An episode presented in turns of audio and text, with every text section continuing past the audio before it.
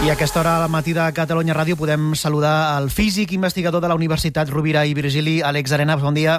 Hola, bon dia. Ara ens explicava la Marina Romero des de l'aeroport del Prat com es comença a notar aquest increment de desplaçaments pel pont amb uh, els vols que s'estan quadruplicant uh, per aquest pont del desembre que comença avui, també el sector turístic uh, amb moltes més reserves. Uh, és un pont de, de risc elevat? Doncs amb l'experiència que tenim, sí, sí que ho és. És un accelerador de la pandèmia, i hem de tenir present que aquests dies amb tantíssima mobilitat poden posar en risc, eh, diguéssim, que la transmissió s'incrementi. Per tant, seria molt, molt recomanable que tothom anés amb un test molt recent negatiu d'antígens i, i que es faci el mateix eh, durant els dies de vacances i a la tornada, sobretot, intentant, eh, doncs, d'alguna manera, saber el nostre estat de salut i en cas de ser positius doncs, prendre mesures com l'aïllament, trucar al CAP perquè ens facin una PCR de confirmació i intentar evitar més contagis.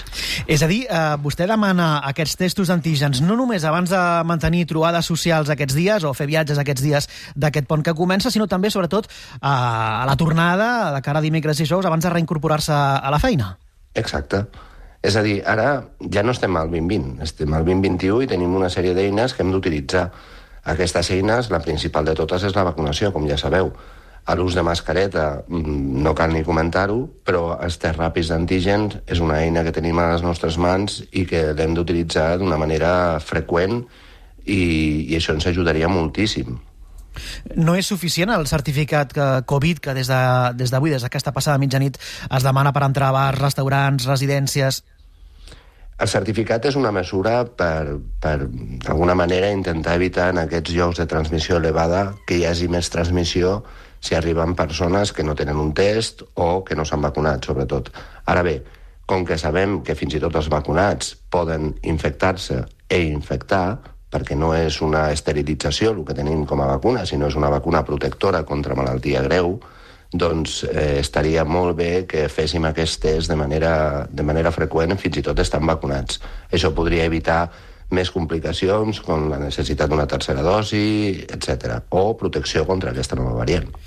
La Comissió Europea ha demanat eh, una posició comuna als 27 eh, estats membres sobre l'obligatorietat o no de, de la vacunació. De fet, eh, ara en parlàvem, Angela Merkel, a Alemanya, és a punt d'imposar aquesta vacunació obligatòria per llei a partir del febrer. De fet, comença ja de facto, un confinament de facto per a tota aquella població que no estigui immunitzada ja. Què li semblen aquestes mesures més dràstiques?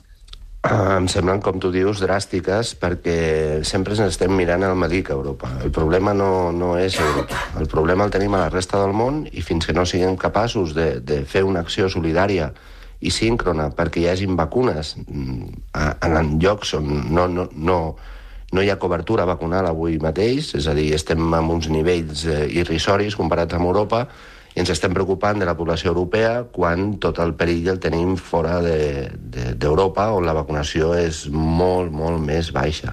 Per tant, s'hauria de fer un plan en el que a nivell mundial aconseguissin com a mínim que tota la població mundial tingués alguna dosi de la vacuna que és la protecció que coneixem, que ens evitaria aquest risc, eh, diguéssim, d'hospitalització i de criticalitat que pot portar a la mort. A l'hemisferi sud crec que amb prou feines arriba al 6-7% aquesta vacunació. És més urgent resoldre aquest problema que, per exemple, eh, doncs, inocular aquí la tercera dosi a, a Europa o fins i tot la vacunació, vacunació pediàtrica de, dels nens i nenes entre 5 i 11 anys que podria començar en breu, abans del Nadal? Doncs des d'un punt de vista epidemiològic jo no en tinc cap dubte no en tinc cap dubte que aquesta és la mesura mm, número 1 que s'ha de prendre per tal d'intentar contenir d'una vegada aquest malson d'epidèmia.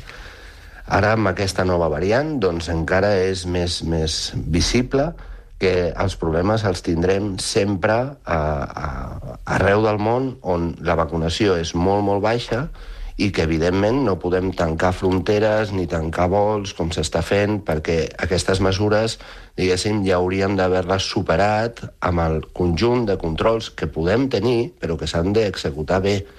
I això passa per aquesta vacunació massiva i per tot el transport intentar evitar que gent amb contagi pugui volar d'un lloc a l'altre, pugui transmetre la malaltia. I això ho podem fer via test, via vacunació i amb l'ús molt rigorós de la mascareta.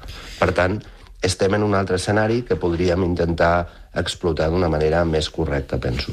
Com s'imagina el Nadal d'aquí tres setmanes a l'Ex Arenas i sobretot com s'imagina el gener? Perquè hem vist, per exemple, Portugal com ja preveu una setmana de confinament l'1 de gener per fer baixar la, la previsible corba de, de les festes de Nadal. Doncs mira, mmm, sincerament, ara mateix, com que no tenim cap altra mesura de control de l'epidèmia, eh, si continuem pujant amb aquest ritme tindrem un Nadal complicat i un gener encara més complicat.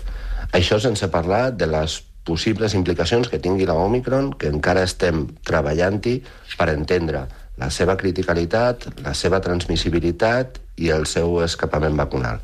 Quan sapiguem tot això, estarem en un escenari d'alguna manera que també ens farà repensar quines són les dades admissibles i no admissibles per al nostre sistema de salut.